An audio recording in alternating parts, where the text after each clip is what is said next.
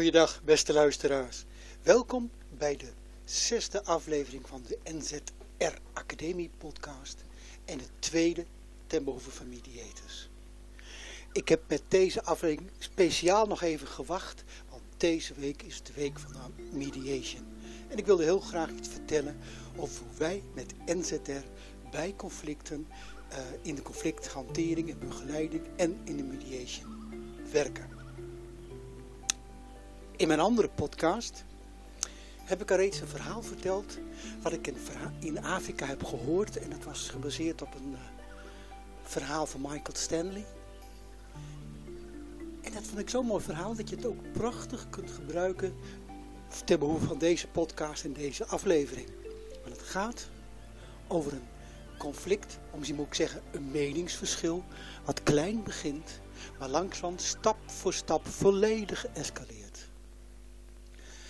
Elke keer is de vraag, wat had de mediator kunnen doen? Wat had de begeleider kunnen doen? Wat had je kunnen doen als je op een of andere manier de NZR-methode had kunnen inzetten? En daarover gaat deze podcast. En als je het nog een keer in de praktijk wil meemaken, binnenkort, zowel in Groningen als in Brabant, geef ik een workshop over hoe je met de NZR-methode kunt werken. U bent welkom. Vragen gewoon naar. Het begon eigenlijk tussen twee buren. Heel eenvoudig en relatief onschuldig. Je had één buur. En daar woonde, uh, Henk. En die kreeg nieuwe buren namelijk John en Ingrid. En John had een vrachtwagen. En die vrachtwagen kon er niet goed in en uit het terrein zonder allemaal schade aan te brengen aan de openbare weg. En misschien zelf aan een stukje aan het grondgebied van Henk. Dus wat deed John? Hij verplaatste het hek, of beter gezegd het toegangshek, een klein beetje zo, dat hij ongeveer anderhalve meter in de hoek bij de weg van het terrein van, uh, van Henk inpikte. En dat was de basis voor het meningsverschil. John dacht alleen maar, ja, maar het, het is maar anderhalve meter. En het is maar alleen maar een hoekje. En ik heb alleen maar het hek een beetje verdraaid, dat ik het beter goed uit kan draaien. En dat ik gewoon niet continu alles hoef te beschadigen en ik veilig deze vrachtwagen bij mij op het terrein kan parkeren. En John, uh, Henk, Henk dacht alleen maar, maar het is van mij. En je hebt met mij overleggen. Je hebt mij te vragen. En ik zou je toch ook geen toestemming willen geven. Het is namelijk mijn grond. En ik ga hier zeker niet het verhaal nog een keer vertellen. Daarvoor moet u maar even een andere podcast, de Kroon podcast. Want daar vertel ik als episode 56 het volledige verhaal. Maar wat ik u wel kan vertellen. Nou, laat ik voorzichtig uitdrukken. Het escaleerde nogal. Want eerst waren alleen maar de beide mannen te schreeuwen. En toen kwam er een hond bij. En, en, en, en toen kwam toen werd het ook nog gebracht voor de burgemeester die een soort met arbiter schuine streep mediatorrol hebben. Dus een conflictbegeleider. En die probeerde in een soort met Salomons oordeel de dingen goed te regelen. En dat leek goed te gaan. Maar eigenlijk was Henk niet tevreden. En er komt naast die hond kwam er ook nog een geit. En, en, en de geit die, die eigenlijk aan Henk was gegeven, die vluchtte terug naar John. En, en de hond die viel dood, op een bepaald moment gewoon dood neer. En man dacht van, nou, dat moet wel vergiftigd zijn. En en die geit moet daar wel gestolen zijn. En, enfin, ik ga het verhaal niet helemaal vertellen, dat zei ik al. Maar ik kan u verzekeren, het escaleren. Tot zelfs op een bepaald moment in een soort met openbare hoorzitting van de, voor de dorpsraad de dingen beslecht moesten worden. En daar bleek dat zelfs John niet kwam opdagen omdat hij dood was neergevallen op zijn eigen terrein. Enfin. Weet, en hoe kijk je daar aan vanuit de NZM-methode? Nou, dan kan ik u vertellen, ik heb het al een keer eerder genoemd. Ik hou heel erg van het concept van de grandmother benches, de grootouderbanken. Die op moment zijn geïntroduceerd. Ik dacht als eerste in Zimbabwe, waar mensen gewoon op een paaltje, onschuldig paal, uh, plekje, een bank hebben neergezet. En daar zaten bijna altijd de ouderen, dus de grootvaders en de grootmoeders. En als je dan een, uh, een probleem had, een vraag, een dilemma of een conflict, dan kon je daarheen gaan. En dan kon je vertellen. En dan kreeg je een luisterend oor.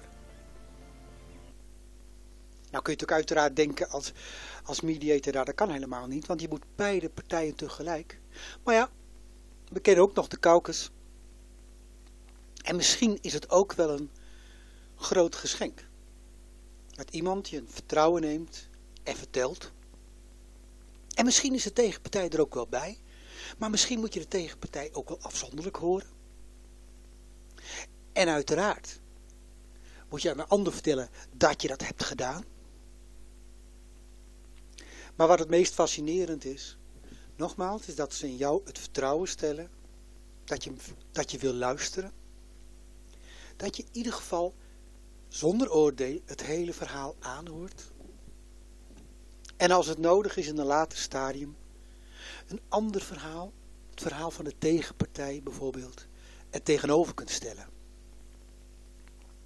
En dat je dan samen gaat kijken, ja maar wat maakt nou dat het soms lijkt dat de ene van bijvoorbeeld van Mars komt en de ander van Venus, dat de verhalen zo ongelooflijk uit elkaar lopen. En het gaat niet, niet nogmaals voor mij niet om wie gelijk heeft. Waar het mij vooral om gaat, is of je bijvoorbeeld met behulp van de NZR-methode de ander zo, zo ver kunt krijgen dat hij open staat voor het andere verhaal. Of de andere versie op dezelfde gebeurtenissen. Want als het dat is, zijn, ben je in beweging. Als het ook voor de ander gaat, zijn beide partijen ergens emotioneel, cognitief in beweging. En dan ontstaat er een oplossing, een nieuw verhaal, wat door beiden gedragen en geaccepteerd kan worden. Liefst op de lange termijn. Want de basis van de NZR gaat uit dat elk mens verhalen creëert over zijn eigen leven om greep te krijgen op gebeurtenissen. Want als je weet dat een verhaal ongeveer een basisstructuur heeft, denk maar aan er was eens, of toen gebeurde er, en dat het eindigt met iets, zoals bijvoorbeeld het sprookje en ze leefden lang en gelukkig, of hier zit ik nu en ik heb ruzie met mijn buurman. Dan heeft het in ieder geval dankzij de structuur heb je deze greep gekregen op de gebeurtenissen waar je in betrokken bent geraakt. Maar het is iets complexer. Want op zich zou het mooi zijn, dus zo noemen wij dat, als het verhaal open is en vloeibaar. Dat betekent dat, dat je het verhaal maakt, is helemaal oké. Want daarmee krijg je greep en kun je het begrijpen, enzovoort, enzovoort. Maar als je nieuwe informatie krijgt, van de andere kant, of van nog iemand anders, of, of van de mediator of de conflictbegeleider, of je krijgt, ontdekt een nieuwe emotie. Het maakt niet uit. De vraag is wat je daarmee doet. Als het die nieuwe input, zal ik het maar even noemen, leidt tot een lichte bijstelling van het verhaal, dan noem ik het open. Dan noem ik het vloeibaar. Want in de tijd en in de stroom der gebeurtenissen en in de stroom van de input kunnen dingen veranderen. Inzichten, perspectieven, empathieën. Het kan allemaal tot een nieuw of een aangepast verhaal leiden. Maar juist in een conflict ontdek je dat verhalen vaak niet open of vloeibaar zijn. Ze zijn vaak gesloten. En er wordt elke vorm van externe input wordt afgewezen. En wat ik noem is van als het voor gaat voor jouw over dit verhaal noem ik dat een bevroren verhaal. En ik kan nog een stap verder gaan. En dan noem ik het zelfs gestold.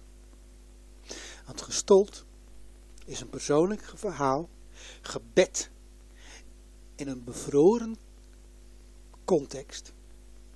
Dus het verhaal is bevroren, de context is bevroren. Daar kom ik allemaal op terug. En dat zorgt dat het verhaal helemaal is gestold. En dan kun je tegen de mediator zeggen. Dankjewel voor die opmerkingen. Ja, leuk dat je ook met die anderen hebt gepraat. Of fijn, doe maar. Maar het is niet waar. Wat ik heb gezegd, dat is waar. Dat is de bevroren opmerking. En dan komt de gestolde opmerking. En zo gaat het altijd. En u voelt hem al. En opeens komen ook een paar andere begrippen om de hoek kijken. Als uh, framing. Uh, complotdenken. Uh, dwingende denkramen hebben. Leven in een bubbel. Denken in een bubbel. En alles wat er buiten valt, wat je niet vastpunt, doe je gewoon nepnieuws, fake nieuws. En dat is een van de redenen dat deze NZR mediation of NZR methode in het oplossen van vragen, dilemma's en conflicten ook gebruikt kan worden voor framing, complotdenken, nepnieuws enzovoort. Maar even terug naar het verhaal van John versus Henk, of Henk versus John. Het begon dus als een simpele ruzie over een klein stukje terrein, wat eigenlijk al toch al nooit werd gebruikt, escaleren tot iets verschrikkelijks. Weet je, wat je dan het beste kunt doen als NZR mediator, is allereerst met de ander naar het luisteren. Nee, ik zeg het verkeerd. Je laat de ander gewoon eerst gewoon het complete verhaal vertellen. En dan merk je wel dat de mensen soms het nodig hebben om het verhaal ook werkelijk te vertellen en alle emoties erin te gooien die ze daarin voelen. Dat is oké, want u weet vast ook wel, als de emotie hoger is dan de ratio, zijn mensen echt niet meer aanspreekbaar op logische overwegingen. Nee, er zit er nog helemaal in emotie. Dus dat is stap 1. En ik noem het zelf altijd, dan beginnen we met de oppervlakte van het verhaal. Ik ga luisteren. Zowel naar de inhoud, als naar de vorm, als naar de emotie. En als je de vragen wil stellen, dat kan altijd. Zorg wel dat het zoveel mogelijk waardevrije, verhelderende vragen zijn. En uh, grofweg, ik wil je maar twee tips geven. In de cursus krijgt u nog veel meer, maar om twee tips te geven. De ene, als je weet, grofweg, hoe bijna elk mens zijn basale verhaal uh, construeert, dus wat de structuur en de verhaallijn is, kun je daar, kun je daar vragen over stellen. Oké, wat is de aanleiding dat het verhaal zo is begonnen? En waarom is dat en dat en die en die elementen erin gekomen? En waar, wat heeft gemaakt dat het zo is afgelopen? Je kunt het gewoon vragen. En je kunt ook vragen, nog keurig aan de oppervlakte. Of mensen zich willen uh, verplaatsen in antagonist, dus in de tegenpartij. Wat zou dan het verhaal zijn? Hoe zou het overkomen? Het tweede is dat je als luisteraar gewoon kunt teruggeven wat je waarneemt. Want je hebt, en daar bedoel ik echt in de brede betekenis, teruggeven wat ik voel, wat ik denk, wat ik zie, wat ik hoor, wat ik ruik en noem maar op.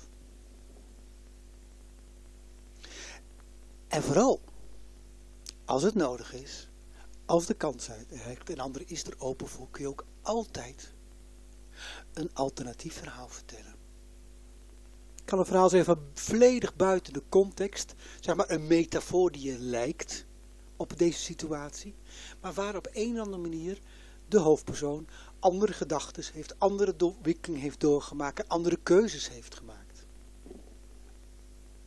Een van mijn lievelingsverhalen op dat gebied, en misschien kom ik daar nog wel op, of anders op een andere keer. Het heet, houd, kun je dan vasthouden aan de wind? Waarbij de hoofdpersoon allemaal keuzes, of allemaal uh, dingen meemaakt die leiden tot keuzes. Waarbij je ook altijd iets wint en altijd iets verliest. En dan kun je altijd dat verhaal vertellen. En aan degene met wie je aan het praten bent, die naast je op die bank zit. Wat zou jij doen? Welke keuzes heb jou, zou jij maken? Je het herkenbaar? En alleen maar dit soort alternatieven helpen aan de oppervlakte van het verhaal, wat hij straks heeft verteld, om steeds meer in beweging te komen. Lenigheid in het denken en het voelen te krijgen. En wat ik het mooiste vind, nieuwsgierig te worden. Dat is de oppervlakte. Oh nee, er komt nog één heel wezenlijk iets bij. Dat noemen we het concept van de wachter en de lantaarn. Want zelfs als we bij jou op die bank zitten en vertellen, dus of iemand alleen of ook misschien wel met die tegenpartij erbij, dat maakt me niet uit, maar ze, hebben, ze staan voor een keuze, ze staan op een kruispunt. Daar moet natuurlijk een volgende stap gezet worden. En wat wij als mediators nooit in te nemen doen, is de verantwoordelijkheid overnemen voor partijen en zeggen wat het beste is, wat voor hun het beste is, wat zij zouden moeten doen. Dus eigenlijk de beslissing voor hen nemen. Ah, ah. Nee. We helpen ze om hun eigen beslissingen te nemen.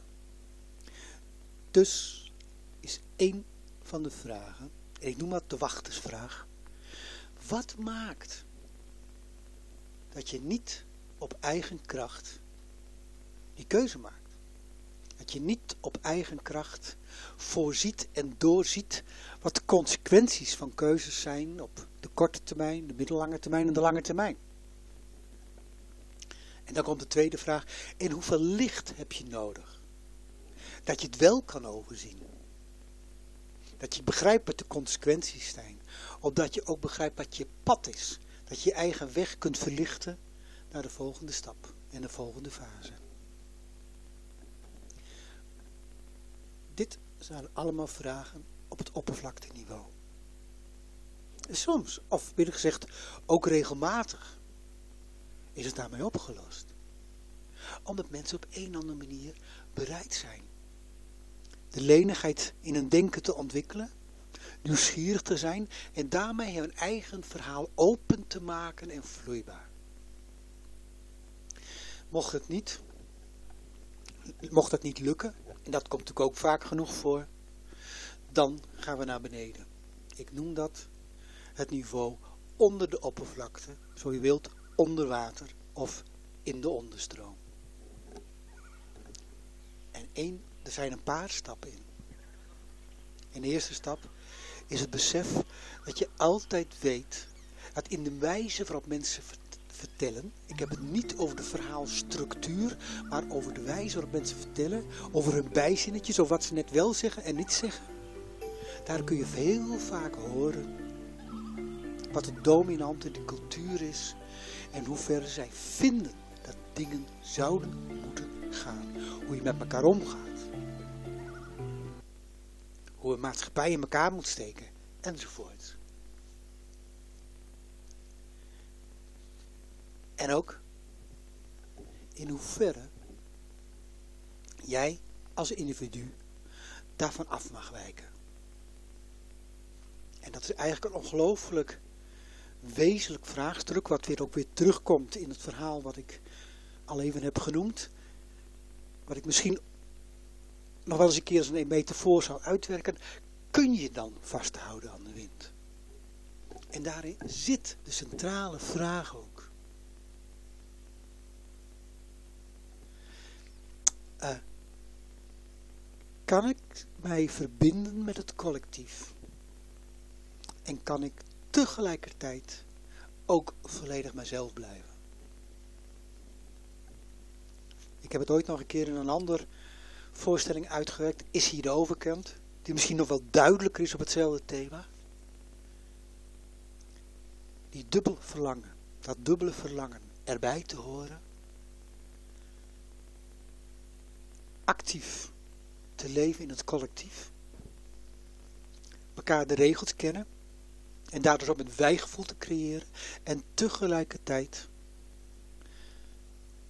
trouw zijn aan je eigen uniciteit.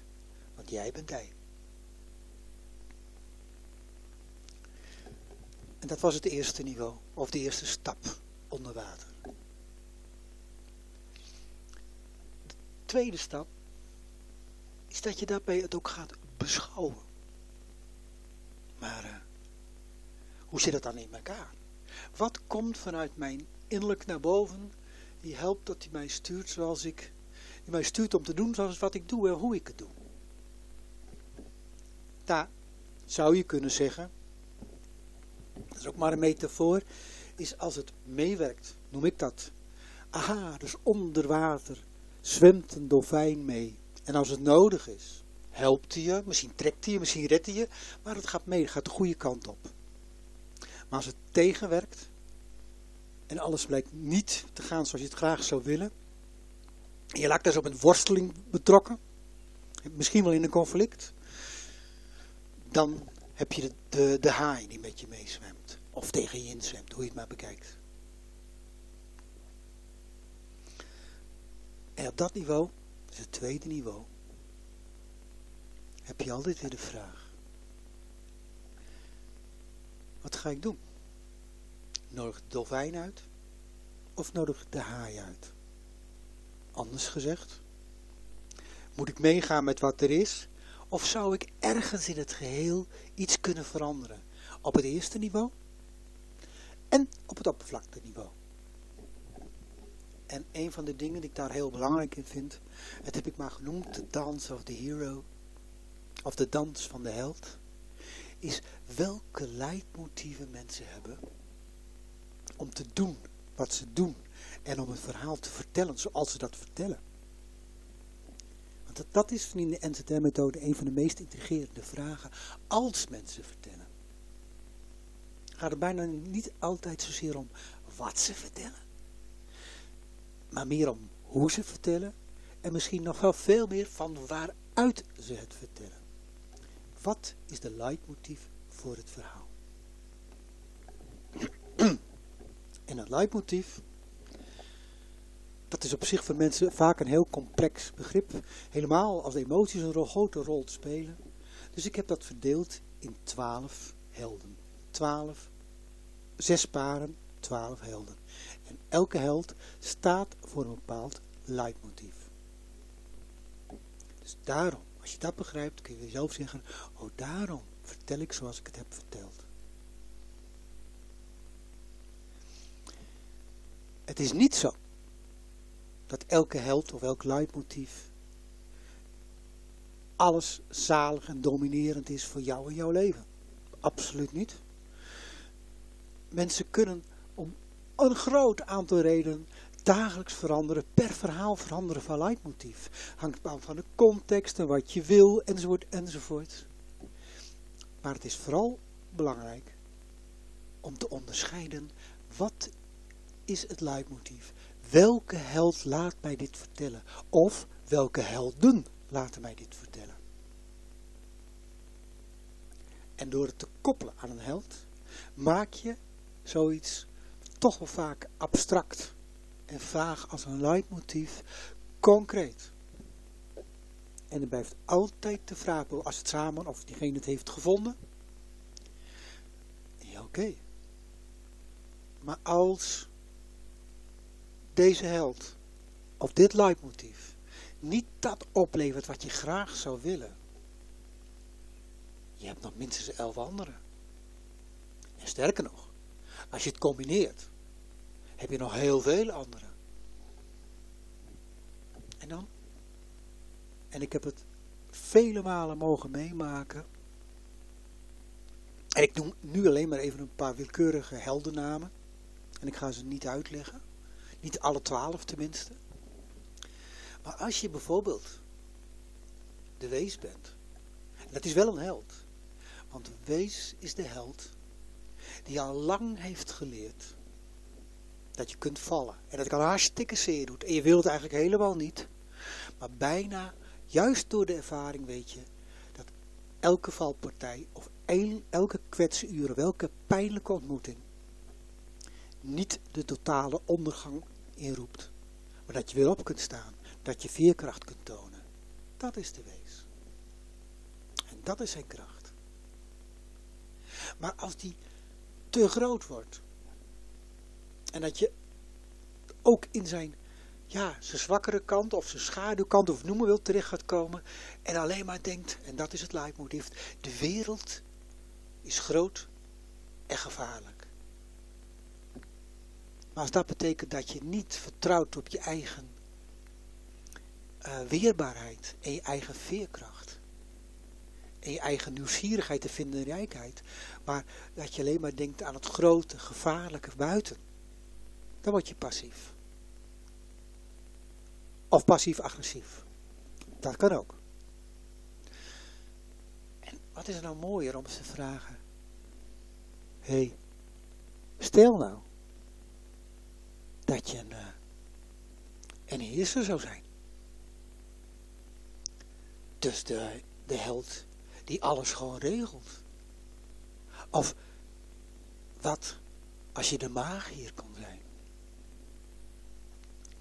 De held die continu open staat voor alles wat er om hem heen gebeurt of haar heen gebeurt.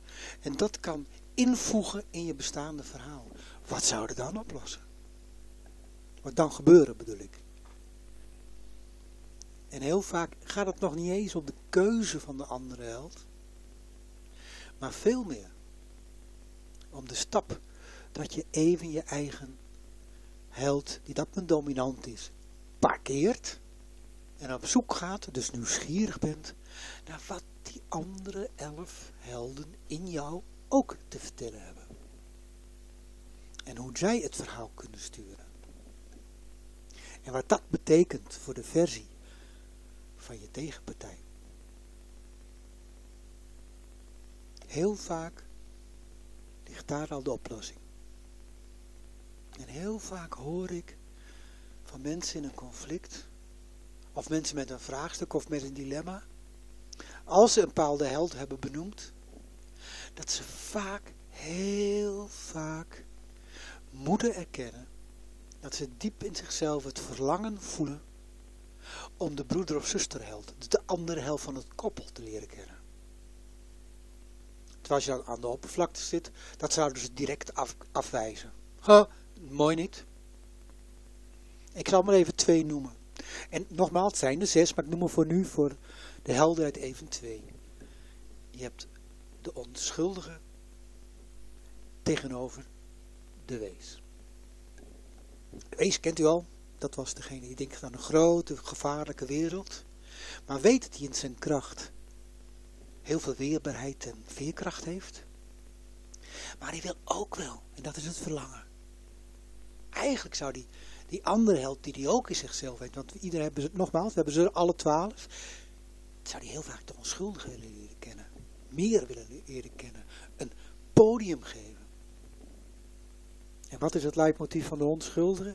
Dat is, de wereld is een speeltuin. Ik, ook al weet ik het niet, ook al kan ik het niet, denk ik het niet te kunnen. Ik ga het gewoon tegemoet. Ik ga het gewoon meemaken. En er komt vast al iets goeds uit.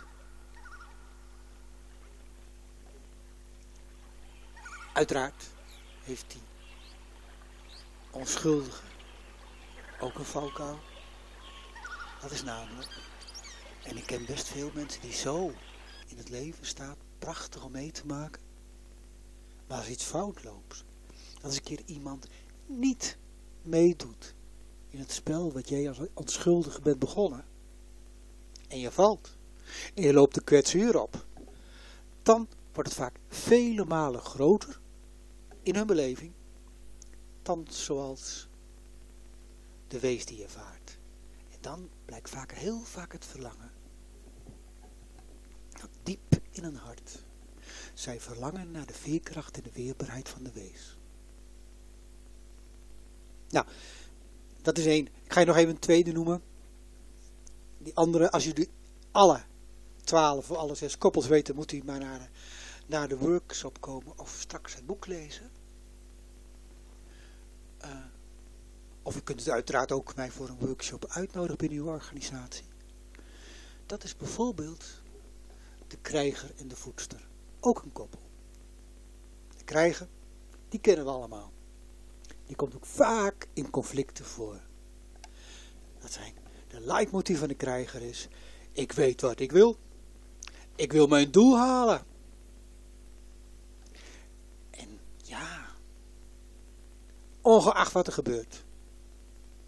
En aan de andere kant, de voedster die alleen maar denkt. Ja, maar er moet voor, mijn, voor, voor anderen worden gezorgd. De prijs van de voedster is dat ze soms een keer te ronde kan gaan als hulpverlener zonder ooit aan zichzelf te denken. Dus uitgehongerd raken of in de huidige corona toestanden zou ik kunnen zeggen ziek worden terwijl je zorgt voor anderen en niet goed beschermd kon zijn. En daarmee komt het verlangen van de voedster vaak om ook weer meer kracht te kunnen tonen als een krijger en je doel te halen wat je gewoon wil. Maar andersom ook. Ook de krijger weet dat als je alleen maar achter zijn doelen laat, het uiteindelijk veel slachtoffer zou maken. En misschien zelfs zichzelf als slachtoffer.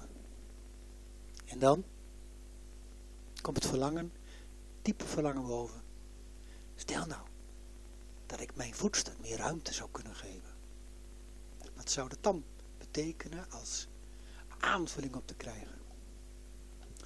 Samengevat, als dat gebeurt, dan houdt de voedster de krijger in toom, of de krijger houdt de voedster in toom, en de onschuldige houdt de wees in toom, of de wees houdt de onschuldige in toom. Dit is een hele mooie fase van de Enter Mediation, de dans van de held onder water. Ja, en ga nou eens even terug naar het verhaal van John en Henk. Met die vrachtwagen en een stukje grond en die geit en die hond. En wat je daar boeiend is, je moet een keer heel het verhaal maar eens gaan luisteren op de andere podcast, is voor jezelf afvragen. Oh ja. Dus als ik luister naar de versie van Henk. En probeer in te leven in de versie van Henk. En ik hoor hoe de ontwikkelingen zijn. Wat is dan zijn held? Wat is dan zijn leidmotief?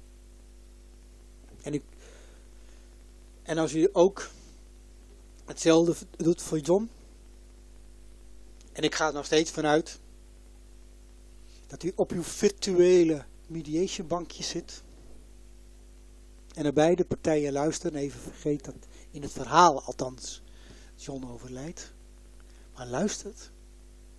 En dan weet ik soms dan, of beter, meestal kunt u dan vrij snel het leidmotief, de, hier, de held ontdekken in het verhaal. En dan hebt u al een, een, een tool, een stuk gereedschap, om heel voorzichtig eruit te nodigen meer ruimte te geven tegen een zuster of broederheld, dus het tegenheld, of een van de andere tien helden. En dan nog eens een keer het verhaal doorlopen. Als bijvoorbeeld Henk, maar een voorbeeld, zich niet altijd genegeerd zou voelen in het dorp. Dat hij niet de keuze had gemaakt om in het gevleid te komen bij de notabelen met zijn winkeltje en de rest van de mensen een beetje nurks te behandelen.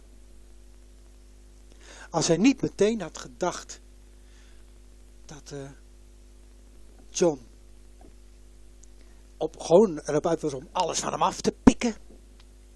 En als hij ook nog in de loop van het verhaal een, een geit krijgt. En dan uh, die ook nog terugsteelt. En ga maar op. En als je dat tussen het verhaal anders zou hebben verteld met een ander held, dan zullen al, al die elementen misschien wel gebeuren, maar een andere plek krijgen. Dat aan de ene kant. En hetzelfde voor John.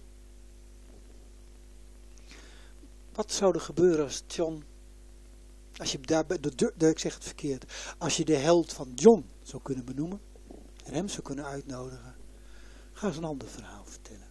Op een andere manier, met een andere held. Bijvoorbeeld, dat hij daar niet wat gemakkelijk als een grapjas over zou doen. Als hij niet met zijn vrachtwagen naar buiten komt. Dat hij niet ervan uitgaat dat, ach, dat Henkel tegen hem zei dat hij best overheen kon lachen. En als je niet zou denken, is in die boosheid, ach, laten we maar even niet hebben over de hond en de geit. En het dorpsberaad. Dat mag u allemaal zelf bedenken. Maar ik ga ervan uit dat u als luisteraar, mediator, conflictbegeleider of buurbemiddelaar of zoiets, conflictcoach misschien zelfs. Maar kijk ook even kritisch naar de rol en de functie van de burgemeester. Ik heb hem al benoemd. Als arbiter, schuine streep, bemiddelaar, mediator. Maar als hij niet had gedaan wat hij heeft gedaan, of een keuze heeft gemaakt die hij heeft gemaakt, maar hij zou het anders willen. Waarin zou hij best hebben kunnen ingrijpen? Welke keuze had hij dan best kunnen maken? Welke checks?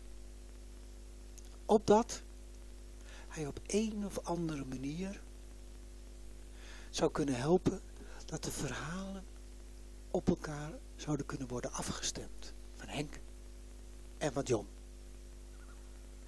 En daarmee komen we op een hele belangrijke derde fase in de NZR mediation. En dat is de fase boven water. Ik noem het dan de metafase, de regiefase.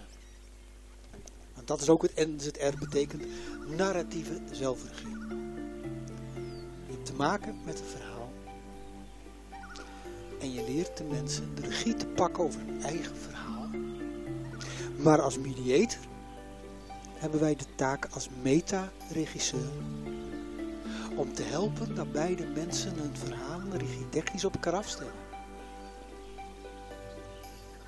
Dus het heeft met empowerment te maken. Al oppervlakte was het begrijpen, onder water was het gewoon het innerlijk begrijpen. Maar empowerment is ook van naar de keuze toe om iets te willen veranderen. Dus bijvoorbeeld een andere held in te zetten. Maar dan via de oppervlakte naar de bovenvaak, bovenfase, bovenwaterfase, de regiefase. Wat zou je kunnen veranderen? Held? Emoties? Haar of uh, dolfijn? Wijk ik af? Of doe ik mee met de dominante stroom, culturele stroom? Kan ik de structuur veranderen van mijn verhaal? En wat, of de elementen van mijn verhaal? Wat, wat zou er dan allemaal kunnen gebeuren? En mijn ervaring is tot nu toe, nog steeds, als mensen ontdekken dat ze de greep kunnen terugkrijgen op hun eigen verhaal, de regie op hun eigen verhaal, ontstaat er opeens ruimte om te luisteren naar het verhaal van de ander. De interactie. Misschien ze begint te tolereren en misschien later veel beter te respecteren en te accepteren. En dan te ontdekken dat je samen de verhalen als verteller, speler en regisseur op elkaar kunt afstemmen. En kunt transformeren naar een nieuw verhaal. Dat is NZR. Nogmaals, wil u meer verweten? Je kunt nog steeds, als je dat wilt, het boek kopen. Uh, wie durft te dwalen het nieuwe wegen over de NZR-methode. U kunt uh, naar de workshop komen. Hier in Groningen, 3 december. En ik dacht 16 december in Brabant bij Merlijn. Van harte welkom. Maar wat u ook kunt, is altijd mij uitnodigen bij u in uw organisatie of bij een concrete groep professionele mediators of conflictbegeleiders, conflictcoaches. Ik wil nog één laatste meegeven. Misschien hebt u het al ontdekt. Juist omdat ik u wilde laten kijken naar de rol van de burgemeester in het verhaal van Henk en John en hun kleine meningsverschil. Weet dan, u gaat ook op die stoel kunnen zitten. En dat betekent, je moet niet alleen kijken naar eventuele tekortkomingen van de, van de burgemeester, van de mediator, maar ook beseffen dat als u op die stoel had gezeten, dat u ook uw eigen verhaal had gehad. Die op een manier kan doorwerken in uw mediation, in uw begeleiding. Dus hoe beter u uw eigen verhaal kent, hoe beter datgene wat tappend in het conflict tussen partijen niet de zaken doende is, dat u dat even parkeert. Dus, ook mediator, kijk naar uw eigen verhaal. U bent immers zelf uw beste instrument.